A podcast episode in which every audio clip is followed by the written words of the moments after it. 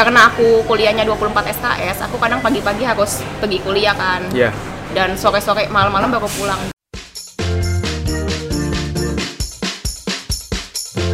Hai guys, welcome back to Hot Days. How to find the ways with Levilo.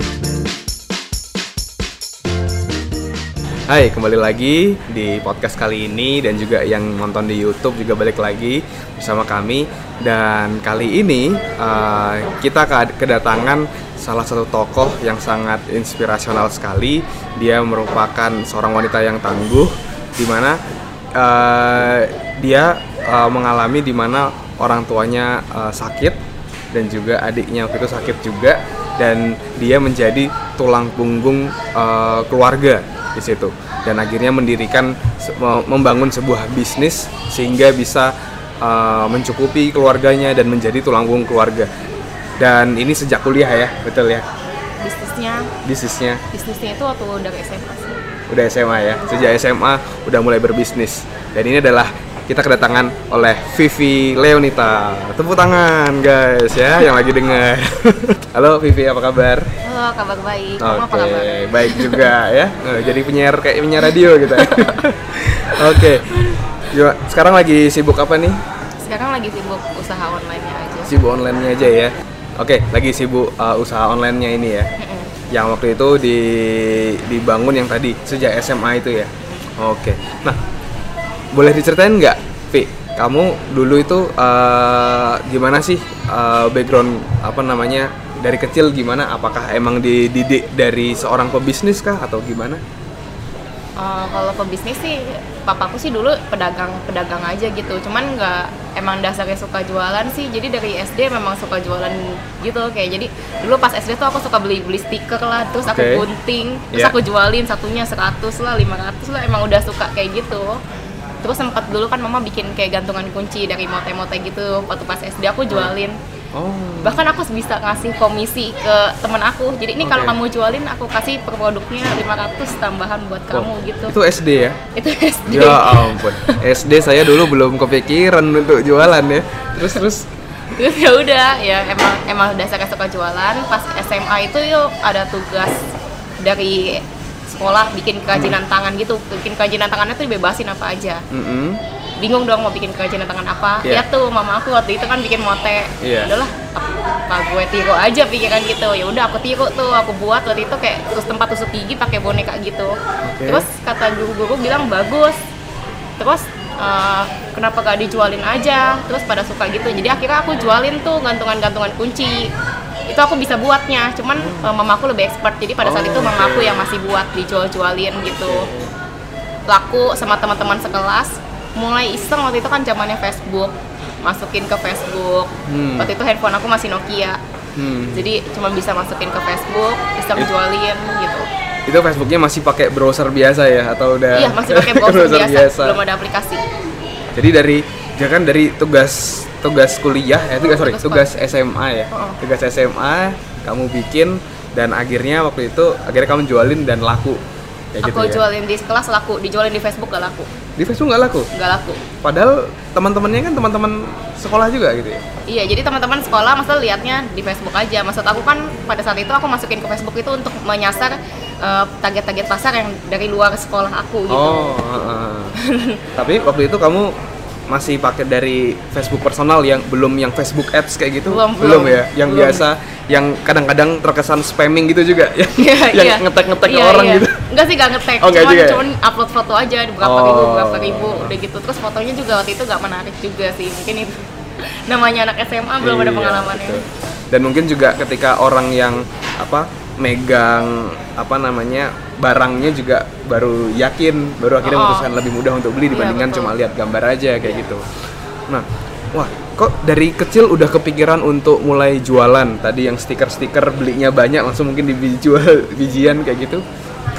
Apa yang bikin kamu kepikiran udah mulai jualan sejak kecil? Karena nggak mau minta uang jajan terus sama papa mama. Oh. Walaupun papa mama kasih. Jadi aku eh, misalnya papa mama kasihnya misalnya 5000 gitu.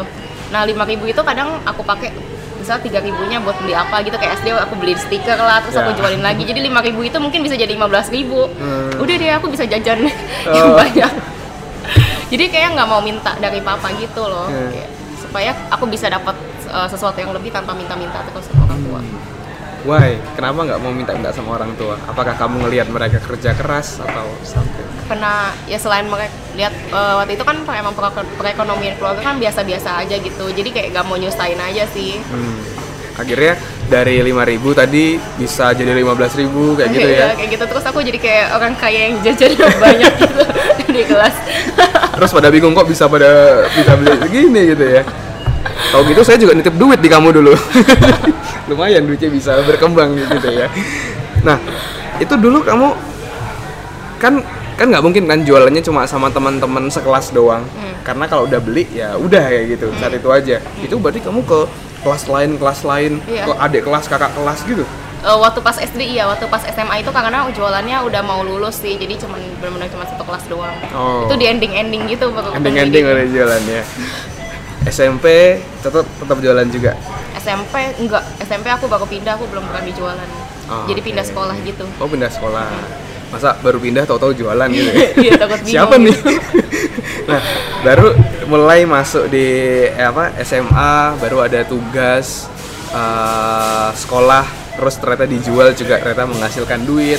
Dari situ mulai difokusin lagi gitu ya. Hmm, ya bisa dibilang begitu. Cuman masih kayak baru di di angan-angan aja gitu kayak pengen dia punya toko online kayak gitu segala Hmm. macam. Oke. Tapi aku belum bisa pas itu. Oh, karena masih belum tahu ilmunya juga mungkin Iya, ya uh-uh. saat itu ya. Oke. Nah, terus eh, apa titik balik eh, kamu hingga akhirnya kamu bisa apa namanya? hingga bisa bikin bikin bisnis yang oke kayak gitu, yang bahkan bisa bisa jadi tulang punggung untuk keluarga. Apa sih titik, titik balik yang bikin kamu, wah aku harus aku harus sukses nih di usia muda bahkan waktu itu pas ini ya kuliah eh, pas kuliah ya baru baru mulai semakin fokus ya. Apa titik baliknya? Apa ya? Itu sih berlalu begitu aja sih waktu pas semester. Jadi dari awal kuliah itu aku nabung, nabung terus buat Hmm. beli handphone Android. Jadi Hmm. waktu itu aku lihat Instagram itu peluangnya bagus tuh. Jadi aku pengen punya Android dulu, tapi gak mau minta sama orang tua tetap. Hmm. Jadi aku sisihin dari duit jajan. Iya.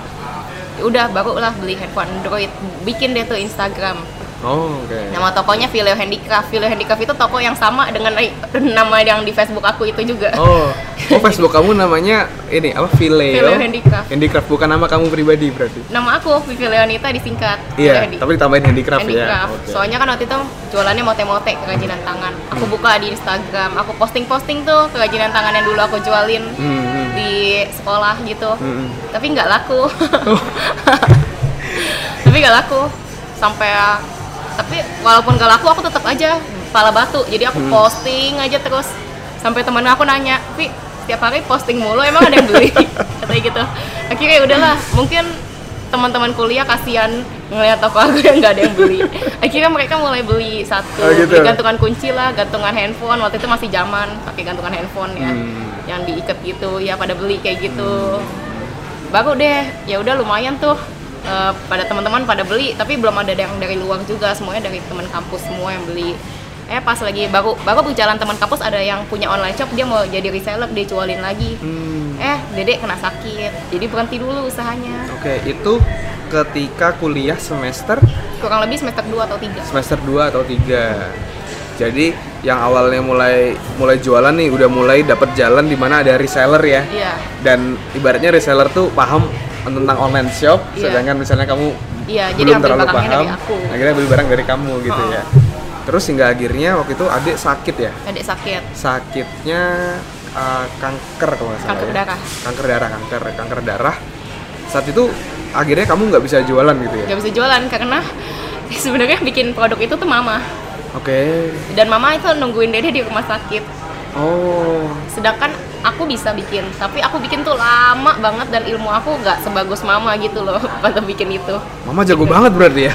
Iya, iya. Sampai waktu itu sempat ada pesanan yang udah telanjang diterima, kan nggak nyangka ya dede tiba-tiba juga kan. Iya.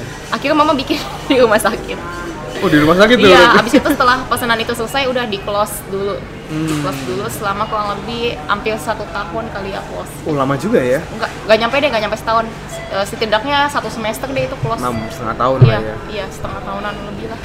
tapi kalau di bisnis itu bisa disebut juga agak momentumnya hilang kan maksudnya Iya, jadi hilang. kayak ngulang ngulang lagi Iya, dari awal, lagi dari awal. kayak gitu agak berat juga untuk Oh, oh. itu tapi akhirnya kamu eh, apa strategimu eh, untuk memasarkan setelah adik kamu sakit itu Iya, setelah dia aku sakit, ya aku lihat-lihat lagi juga lah toko aku jualan motek kayak gitu. Udah gak diminatin lagi sama pasar juga sebenarnya. Itu kan zamannya kayak kita waktu pas SD itu mungkin booming banget. Betul. Tas dari motek, Iya. gantungan kunci dari motek. Tapi pada saat masa aku kuliah udah tahun 2000 sekian belas itu udah gak gak gitu diminati sama orang. Aku mikir masa iya sih jualan ini terus kenapa gak jualan yang lain? Terus aku lihat kayaknya fashion bagus nih kebetulan aku cewek juga kan suka fashion jadi kenapa nggak bikin produk fashion aja? Tapi namanya Fileo Handicraft gitu Nah. kan. Orang udah kenal Fileo Handicraft sebenarnya pada saat itu sih belum booming booming banget ya ngapain aku peduliin ya? Yang tahu cuma sekitar sekitar aja. Iya tapi tetap aku kayak pengen mempertahankan nama handicraft itu. Hmm. jadi akhirnya aku pikir sesuatu yang fashion dibuat sama tangan. Oke. Apa nih? Oh aksesoris fashion deh.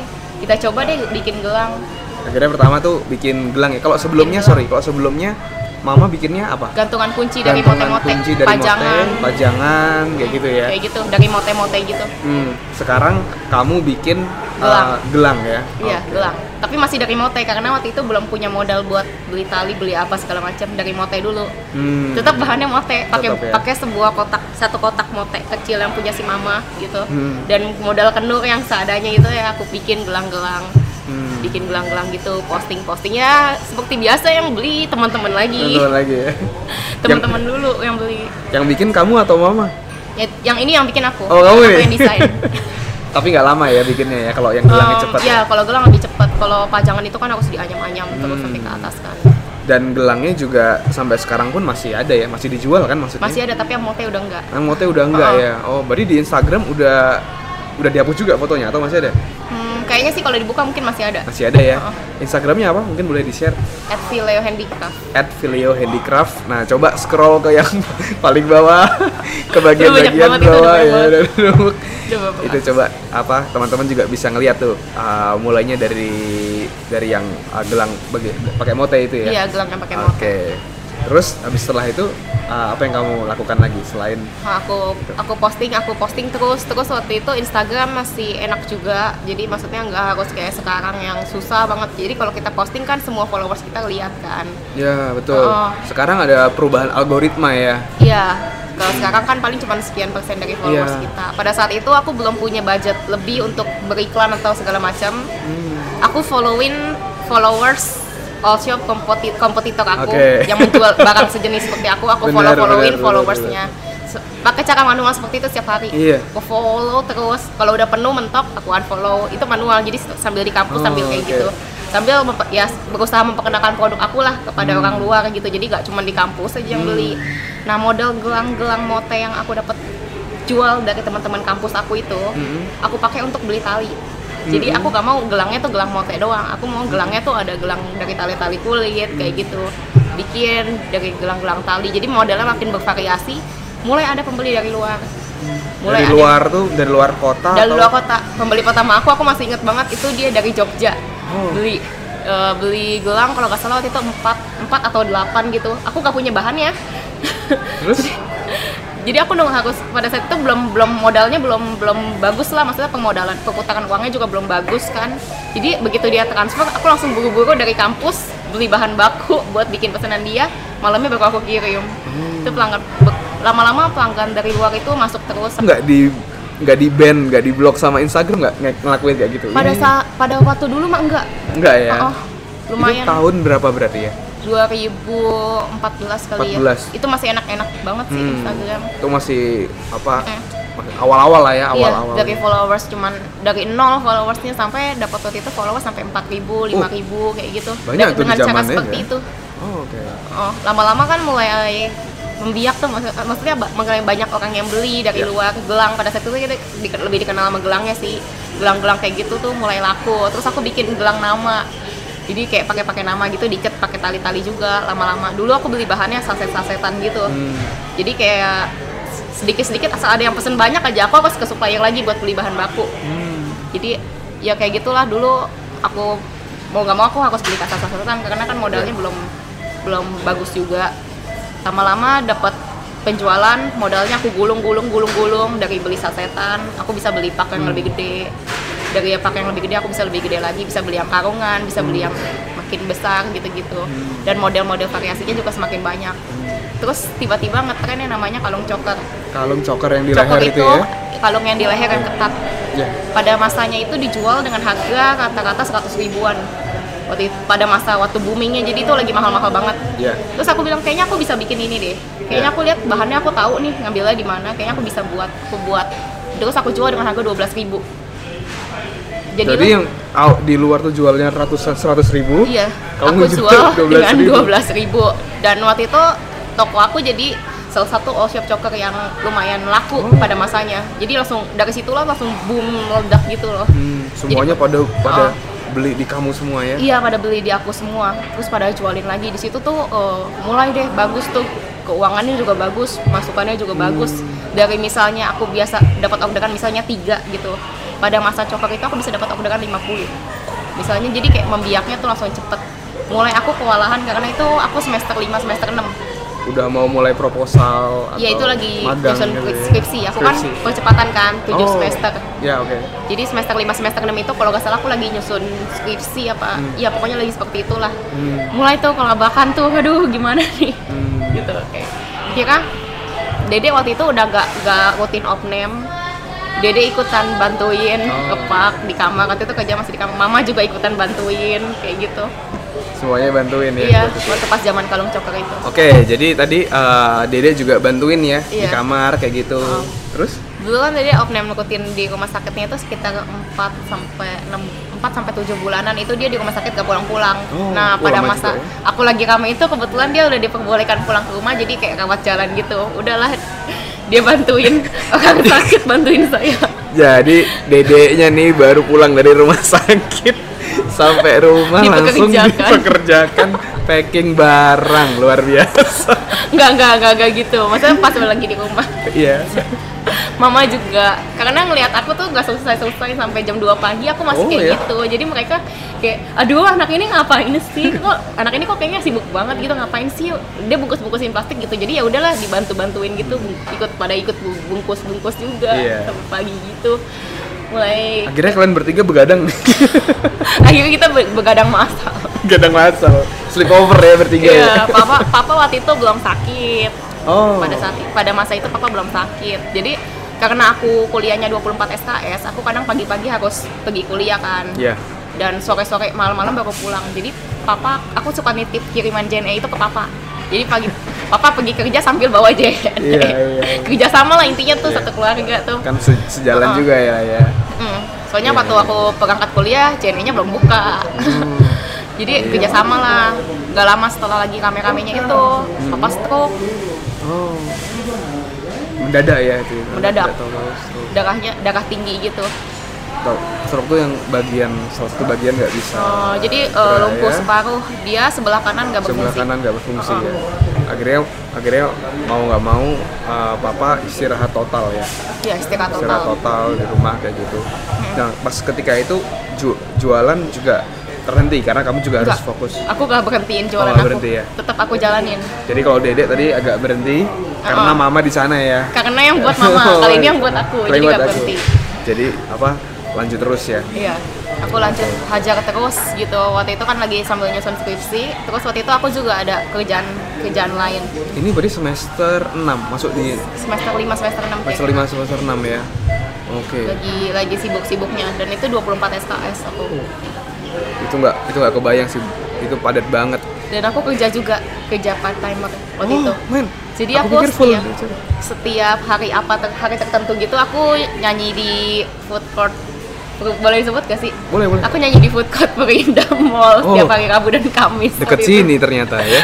Oke oke. Jadi setiap hari Rabu dan Kamis aku kerja di luar, kerja lagi keluar. Terus aku ada keterlibatan di organisasi mahasiswa. Ya Kalau ampun. itu kayak hima sih kayak osis Iya, waktu iya, sekolah iya. nah kayak hima itu aku wakil ketua Wakil ketua. cuman itu semester 4 sih cuman ya udah mulai mulai sibuk setelah kayak generasi kan tetap ada kegiatannya juga yang harus Hmm. bantu bantu dede dedenya kan gitu Iya. jadi kayak Wah. emang lagi sibuk sibuknya gitu Iya. Kusut. Jadi di paling sibuk tuh ya semester 5, semester 6 ketika harus banyak tugas. lima- empat, lima, enam. 4 5 6 itu wah. Itu berarti pertanyaannya cuma satu. Gimana cara kamu bagi waktu? Gimana cara kamu bisa tetap sehat untuk bisa menjalani itu semua itu gimana caranya kamu? Ya, Apa kalau- prinsip-prinsipnya kamu? aku sih yang penting harus disiplin sih jadi eh, aku tuh gak pernah nunda ngerjain tugas Nggak pernah sesibuk nunda. apa pun aku selama kerjaan bisa tugas itu dikasih sama dosen hari ini berarti kalau bisa aku selesai hari ini juga hari ini juga aku setelah jadi gak, gak boleh besok karena besok akan ada tugas lagi yang harus aku kerjain lagi Iya. gitu jadi kayak jadi misalnya pagi aku bangun nih berangkat kuliah kan jam jam 5 bangun jam 7an udah di kampus. Lalu selesai kalau 24 exercise biasanya jam 5 ya kalau lebih jam 5 nyampe rumah jam 7 bikin orderan dulu. Sebisa dapatnya kirim ke, drop ke JNE kalau malam kalau pas malam masih buka ya? malam masih buka. Oh. pagi yang dia belum buka. Tadi yang belum buka. drop dulu ke JNE atau kalau kerja kerja dulu pokoknya ya di uber uber aja tuh barang-barang itu balik balik kerjain orderan lagi buat besok. Terus paling pokoknya begini orderan selesai. Baru udah buka tugas deh kayak udah jam 2 pagi jam tidur. 3 buka bikin tugas. Bikin tugas. bikin tugasnya. Baru kerjain. Udah aku udah paling sisa-sisa gitu jam 3 setengah 4 lah. Baru. Tidur. Bangun lagi jam Ya ampun, jam 5 bangun saudara. tapi itu kan maksudnya ya ada hari-hari tertentu yang kita Iya. nggak kuliah sepagi itu Betul. kan Tapi tuh pasti kayaknya pasti pas itu kasur tuh kayaknya magnetnya kenceng banget tuh ya. Kayaknya muka mata berat banget kayak gitu. jadi kusut sih kusut masa kusut gitu loh kayak bingung aduh ngapain lagi nih aduh kenapa banyak banget yang harus dilakuin tapi ya udah dilakuin aja kayak gitu yang yang pasti itu harus disiplin sih Iya. Heeh. Dan ada juga eh, eh, aku ngelihat juga kerjasama di keluarga juga ya. Mm-mm. Dede, mama, apa papa juga Iya. apa namanya saling kerjasama juga di situ juga eh, top banget lah begitu ya. Terus eh, kalau yang tadi kan akhirnya kamu apa? Terus kamu tadi kamu bilang kalau papa eh, sakit ya waktu itu eh, lumpuh kena kena stroke kayak gitu.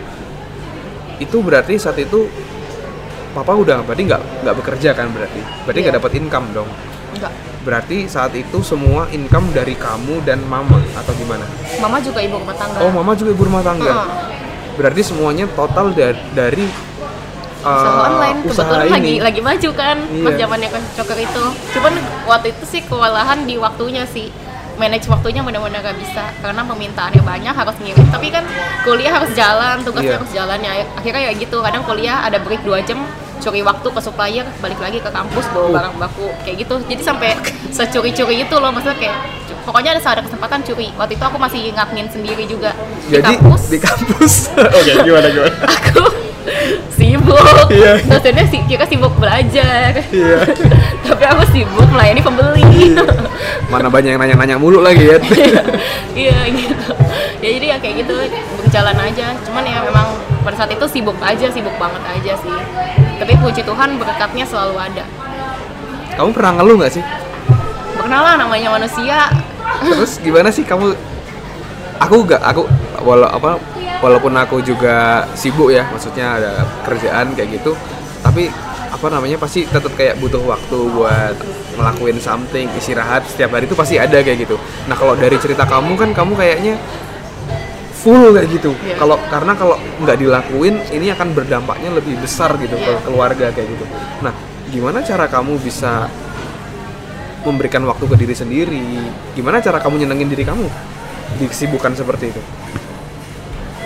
Mana ya waktu itu sih gak kepikiran, Gak sih. ya? pokoknya pikirannya kusut aduh ngapain lagi nih pokoknya apa yang bisa bisa dilakuin sikat aja deh lakuin aja deh lakuin aja gitu kayaknya masih paling kadang kalau lagi kesel gitu aduh sibuk banget sih gitu Akhirnya ngomelin dede. iya jadi kayak ngomel-ngomel gitu aduh ini belum nih ini belum tidur nih belum tidur nih gitu paling kayak gitu gitu doang tapi tetap dilakuin, tapi tetap diselesaikan iya gitu ya. iya Oke. Nah, terus eh, kan mulai tuh ngadmin sendiri, sibuk sendiri karena banyak yang masih dilakuin sendiri. kapan kamu mulai rekrut karyawan pertama kamu? Hmm, pada saat ketika aku udah udah udah gak tidur posisi udah gak tidur jadi Udah gak pagi tidur. ketemu pagi aku gak tidur mamaku ikut bantuin adekku ikut bantuin tapi adekku tidur lah tetap mamaku ikut bantuin juga hampir gak tidur. Aku hampir gak tidur. Sampai Vi kayaknya kita udah gak bisa lagi.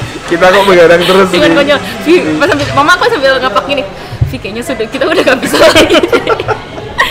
Kayaknya lu udah harus cari karyawan deh kata Iya. mama gitu Iya deh, akhirnya mulai dah eh, beraniin diri. Aku waktu itu tuh sebenarnya nggak nggak tahu kenapa belum ada kepercayaan diri. Soalnya kan karyawan itu kan harus kita gaji terus terus aku ragu apakah Kayak- bulan depan penghasilan aku bisa gak buat bayar karyawan kayak gitu kan masih takut kan. Belum lagi Iya. kan keluarga juga butuh dibiayai. Jadi kayak Iya. aku takut banget gitu waktu itu Iya. rekrut karyawan. Cuman kayak mama bilang, "Oh, mama udah mama kayaknya udah keteteran nih bantuin aku nih." sambil ketawa tapi sambil Iya. ngepak gitu. Ya udah gak bisa nih udah gak bisa gitu. Akhirnya aku berani nih ikut satu.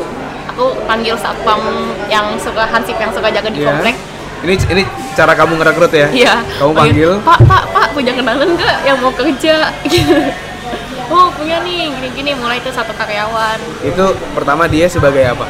dia bantuin aku ngepak. Ngepak ya? iya aku masih produksi dia ngepak karena belum belum belum ada skillnya kan Hmm. produksi ngepak produksi ngepak tetap tetap aja oh pertama sempat ketolong sih oh enakannya ada karyawan mending deh nih jadi ada yang bantuin lama-lama kayak gitu lagi kok Udah ada karyawan tapi kok jadi sibuk lagi gitu? Iya karyawan udah pulang kan tetap belum selesai Iya. satu itu. Jadi kan aku tetap harus kerjain kan. Pertama ya cukup menstabilkan tidurku lah sampai jam satu gitu kan. Lama-lama kok makin lama makin panjang lagi. Ini kok kayak, kayak waktu itu lagi padahal udah pakai karyawan ya. Iya. Rekrut lagi satu lagi. Baru tuh Pak mulai juga, pengepakan juga. bantuin aku produksi, Produksi. aku ajarin. Tapi produksi yang produk yang identik sama gitu. Misalnya coklat eh, coklat jenis ini ya udah dia produksi ini Oh. terus gitu. Nggak nggak campur-campur. Baru tuh mendingan Itu udah bisa tidur tuh? Iya udah udah ya? udah, tapi tetap bikin skripsi Oh. sama begadangnya karena skripsi waktu itu. Tapi sekarang begadangnya untuk uh, ngalihin waktunya bisa alokasi waktu untuk skripsi ya? Iya jadinya. Aku komit dalam satu hari aku harus sentuh skripsi aku setidaknya satu jam.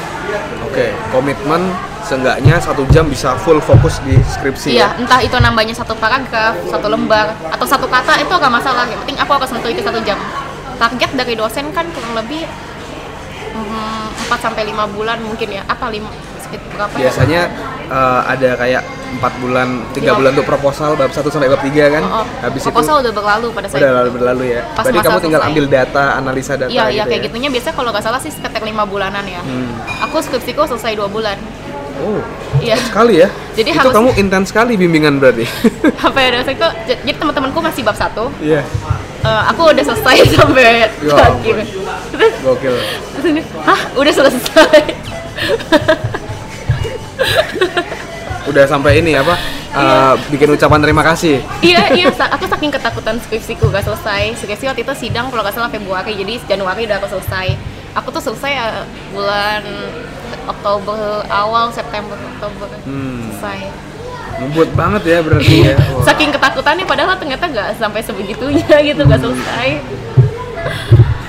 Dan aku sempat apa? Kan kan kamu sempat di Kick Andy ya. Ah. Dari Kick Andy, terus di situ kamu sempat kepikiran untuk berhenti kuliah waktu itu ya, Iya. kalau nggak salah. Iya. Nah itu kenapa? Dan kenapa nggak jadi?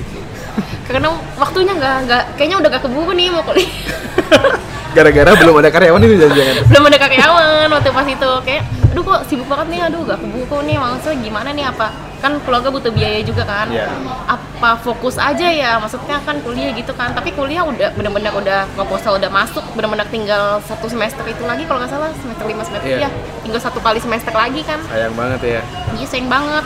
Masuk dong apa akhirnya aku ajuin skripsi ke guru aku. Kenapa kok kamu bikinnya yang sederhana kayak gini? kata dosen gitu iya bu saya nggak ada waktu Jujur sekali. Iya bu, kenapa? Maksudnya guru dosennya nggak percaya karena Iya. aku bikin skripsi, akhirnya aku pilih skripsi yang topiknya memang sederhana gitu yang Apa apa judulnya apa? Masih ingat? ngomong-ngomong Kualitatif apa kuantitatif? kuantitatif, Kuantitatif. kuantitatif, terus datanya juga dari bursa, jadi biar bisa dikerjain di rumah, Oh, oke. nggak harus ke mana-mana. Kenapa kok bikinnya ini? Ya bu, saya nggak ada waktu, saya bilang gitu. Masih nggak percaya. Ya bu, sebenarnya begini bu. saya bisa jelasin bu. Kayak gini bu sebenarnya bu. Adik saya sakit bu. Bapak saya sakit bu. Saya usaha nggak ada. Saya masih usaha "Oh, emang usaha kamu nggak bisa berhenti nggak bisa bu nggak bisa bu. Daripada saya berhenti kuliah mendingan saya lanjutin gitu. Tapi akhirnya dosennya untungnya uh, bisa ngerti gitu. Iyalah kamu jangan berhenti kuliah lah. Masa kalau ada apa-apa bilang ibu sayang kan nilai kamu juga bagus. Jadi support gitulah ayo. Kalau misalnya ada masalah apa kasih tahu aja. Terus teman-teman juga bilang kayak sayang lah Vi, maksudnya tinggal setahun lagi. Kecuali kalau nilai nilainya kurang ya. Maksudnya kan nilai kamu kan udah maksudnya oke lah gitu. Udahlah. Setahun apa satu semester lagi gitu. Kayaknya tahan aja gitu. Kayak gitu. Tetap survive lah. Tidurnya ditahan dulu lah. Iya ditahan dulu. Sebenarnya bukan tidurnya sih. Pengen pengen kerjanya aja Pengen itu yang harus ditahan itu. Iya. Karena ya apa namanya kuliah juga sebenarnya buat cari cari duit kan iya duit iya maksudnya pikiran bantu orang tua apa bantu orang tua aja full Iya. fokus gitu kuliahnya lanjutin nanti gitu kan Iya, wow, luar biasa sekali ya. Apa namanya, eh, semua pengorbanan, semua effort yang udah dilakuin. Tapi sekarang udah bisa tidur kan? udah, Udah. sekarang udah normal Sekarang udah normal. udah asik sekarang Nah, normalnya itu sejak kapan mulai bisa tidur normal? Hmm, setelah lulus kuliah Kalau kuliah Oh, enggak, tahun setelah ketok palu selesai eh, skripsi kamu lulus udah tuh Tidur dah tuh. langsung, langsung normal.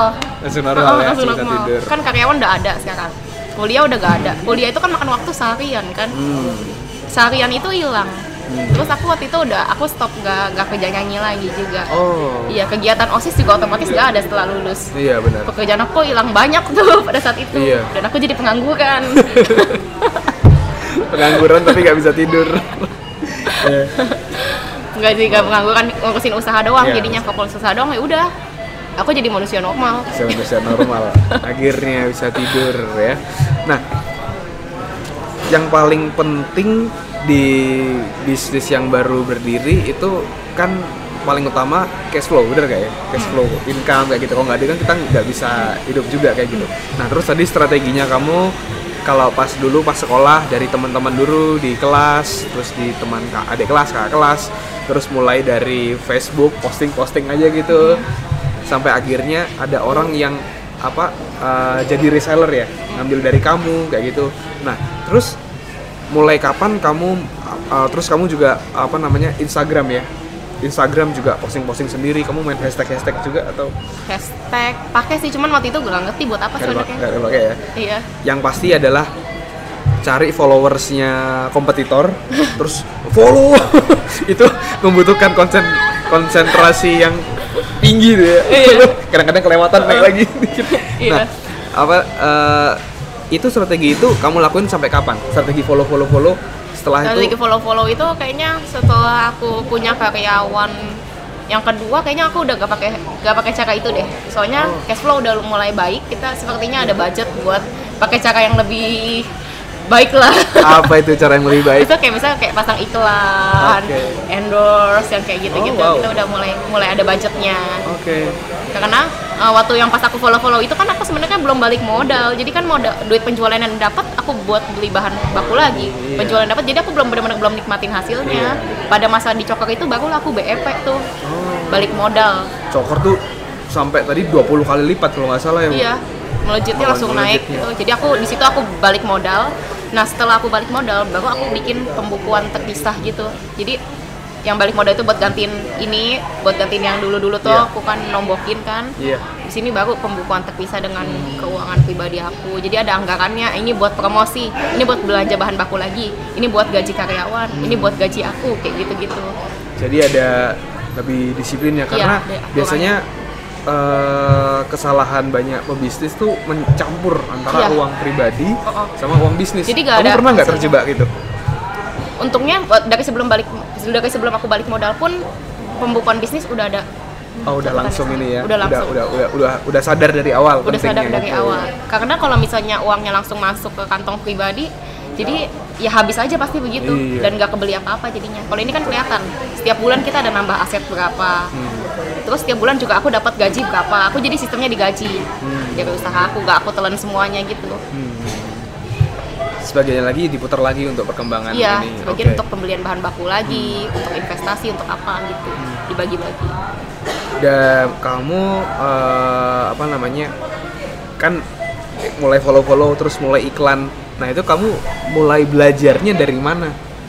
Saat itu? Otodidak kah? Atau kamu punya mentor? Atau aku nggak pakai mentor.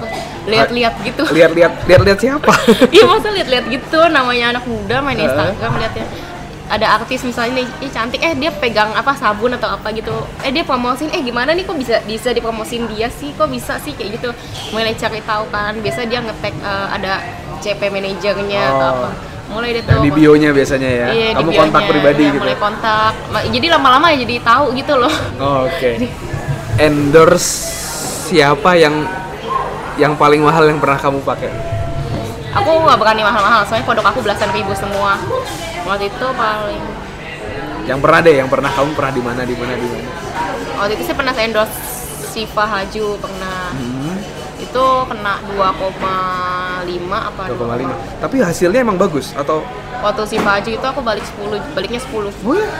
Oh, 10 juta itu mu, ma- mus- eh sorry, itu masuk di feed atau di store? Feed. Oh di feed. Mm-mm. Selama berapa lama? selama dua hari atau tiga hari Dua hari. Iya. Dan efeknya bisa segitu ya? Wow, luar biasa. Palingnya endorse, pok- pokoknya aku endorse aku kata-kata di bawah 5 jutaan sih Hmm. soalnya kan kayak Soalnya harus jualnya kuantitinya lebih. Uh, uh, soalnya produk aku murah, kalau produk aku mahal mungkin aku berani bayar yang mahal. Hmm. Dan aku biasanya cari anak-anaknya anak-anak ABG gitu. yang kira-kira bisa influence ya gitu ya. Influencer siapa yang kamu bayar buat endorse tapi nggak work sesuai harapan kamu? Eh, tapi kalau disebut masalah nggak? Nggak apa disebutnya ntar disensor. Itu Maksya Arwan, Oke. pacarnya Oh, L. ya? Oke. Tahu kan iya, pacar iya. L? Nanti disensor ya. pacarnya L. Iya. Itu aku bayar dia satu setengah satu setengah juta. lebih murah ya daripada yang. Ya, Padahal kamu dia lebih terkenal. ya, aku bayar satu setengah juta. Dikip dikipnya sebulan pula. Dibonusin Instagram Story. Tapi mungkin 100 ribu pun nggak masuk ke aku. Oh, gitu. Iya, followers aku pun mungkin nambahnya nggak nyampe 10 Pada saat endorse dia, aku kata kenapa Oh. Ya namanya bisnis ya Iya. kadang-kadang satu setengah ternyata nyam baliknya nggak nyampe seratus ribu tapi pas apa dua setengah yang tadi Baliknya 10 baliknya 10 juta ya, jadi biaya pembelajaran gitu Iya, ya. jadi Menarik, biaya menarik. belajar Terus kamu juga make Instagram Ads atau Facebook Ads? Instagram Ads pakai Hmm, nah itu kamu gimana? Belajarnya otodidak aja coba ah pencet Pertamanya itu jadi eh, di dunia Oshop itu ada manajemen-manajemen yang buka Oh, iya. jasa Ya, oke. untuk pasangin IG Ads oh. Pertamanya aku pakai mereka Oke. jadi mereka aku tinggal ini konten iklannya kamu Kasih berapa lama budget, target iya gitu. aku kasih karena waktu itu belum punya kartu kredit Hmm, ya. nah kalau udah belakangan aku udah punya kartu kredit aku coba pasang-pasang sendiri gitu ya tapi otodidak juga ya kan di situ ada ada tulisannya mau otomatis mau manual Bener. targetnya berapa ya kita, Iya. kita milenial kan tinggal set-set doang dan sekarang ke- dan sekarang nggak harus pakai kartu kredit nih. Bisa pakai kartu debit juga bisa. Kalau yang apa namanya mulai mulai baru-baru ini Facebook udah udah mulai bisa lagi nih. Jadi sekarang kamu yang ini sendiri? Iya itu terus sendiri. kamu setiap hari nge-track nggak? Aku ngiklan berapa nih? Baliknya berapa? Gitu gitu disiplin gitu juga atau Hmm, enggak atau- sih. Kalau iklan kita bingung juga nge-tracknya kan. Hmm, jadi ya anggap aja biaya branding iya lah memang ya. biaya seperti itu. Memang harus dikeluarin gitu. Wow, luar biasa sekali ya. Berarti sekarang bisnisnya udah mulai jalan, produksi juga nggak harus mama. iya produksi Sudah gak harus mama harus mama tiap dan hari udah gitu. gak harus aku Nggak harus kamu juga. Juga harus ada apa namanya apa karyawan yang bis- yang yang Iya. sudah handle.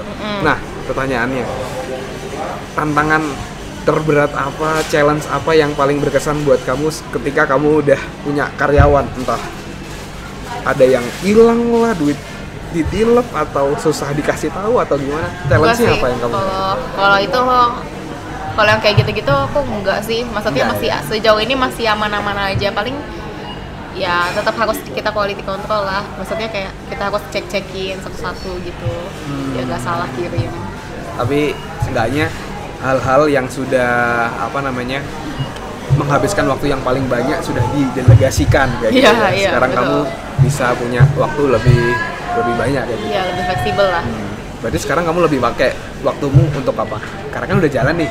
Nah, Heeh. sekarang kamu untuk apain nih? Nah, eh, kalau untuk bahan baku tetap aku yang pegang. Karena aku tetap pengen oh kamu? feeling oh kamu yang tetap kamu aku masih pegang bahan baku. Jadi untuk pembelian bahan baku masih aku yang pegang. Oke. Terus aku bagian QC Hmm. uh, kerjaan an- anak-anak gitu.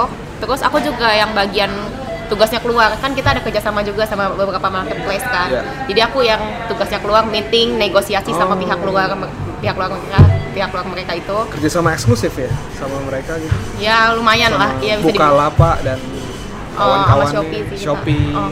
Oke. ya kerjasama eksklusif kayak gitu terus aku juga sibuk aku juga yang kayak nentuin kita harus pakai promosi apa kita harus bikin promo apa bulan ini bulan depan kita harus iklan di mana Oh. Kita kamu yang ya, mikirin. Jadi sekarang udah bisa mikir strategik iya ya? kita harus keluarin produk apa nih produk apa yang lagi booming Hmm. gitu-gitu kayak berapa anggaran untuk ini kayak gitu-gitu aku lebih ke yang kayak gitu sih lebih mikir strategi sekarang Iya. Sudah nggak terjebak di teknis Iya. lagi ya? iya Oke, nice.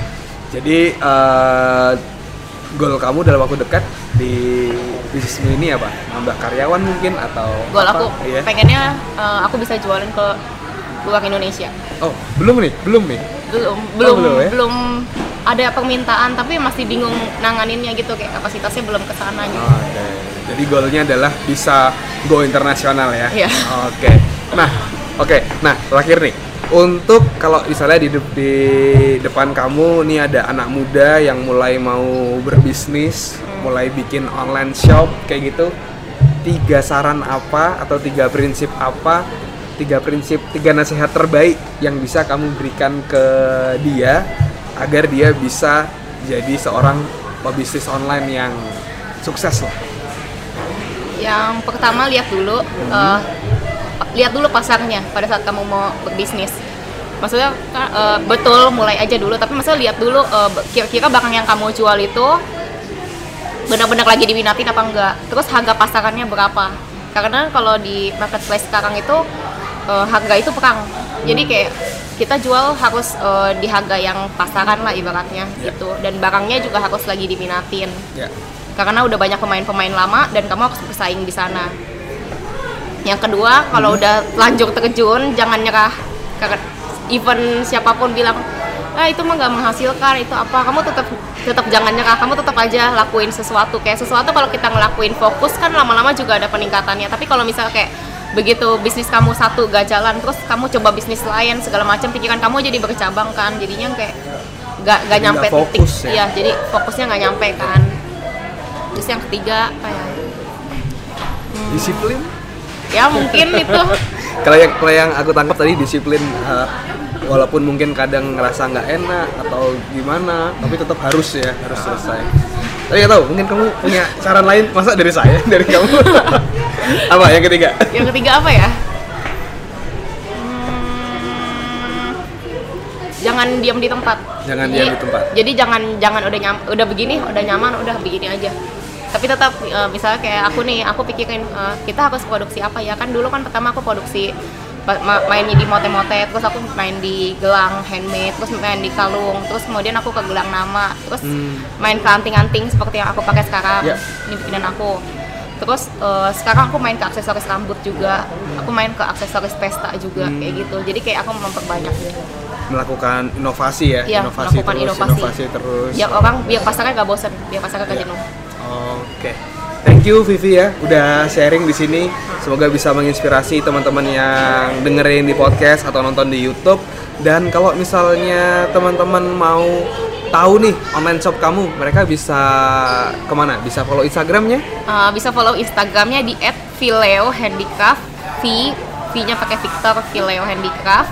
Bisa juga kita juga buka di Shopee, Tokopedia, dan Bukalapak dengan nama yang sama Vileo Handicraft. Filio juga. Handicraft. Yang pasti di Instagramnya di sana mau DM juga bisa ya di sana ya. Bisa bisa. Kalau teman-teman di sini mau follow akun IG kamu di Hmm, at Vivi Leonita underscore. tapi harus eh nggak tahu digembok apa enggak nih Enggak, ya enggak, ya digembok. biasa digembok nih oke oke thank you Vivi atas waktunya atas sharingnya semoga bisa bermanfaat untuk teman-teman yang dengar ini bisa jadi pebisnis online yang tangguh yang sukses seperti kamu Amin. thank you Vivi ya thank you, thank Ya, you. ya, thank you. bye bye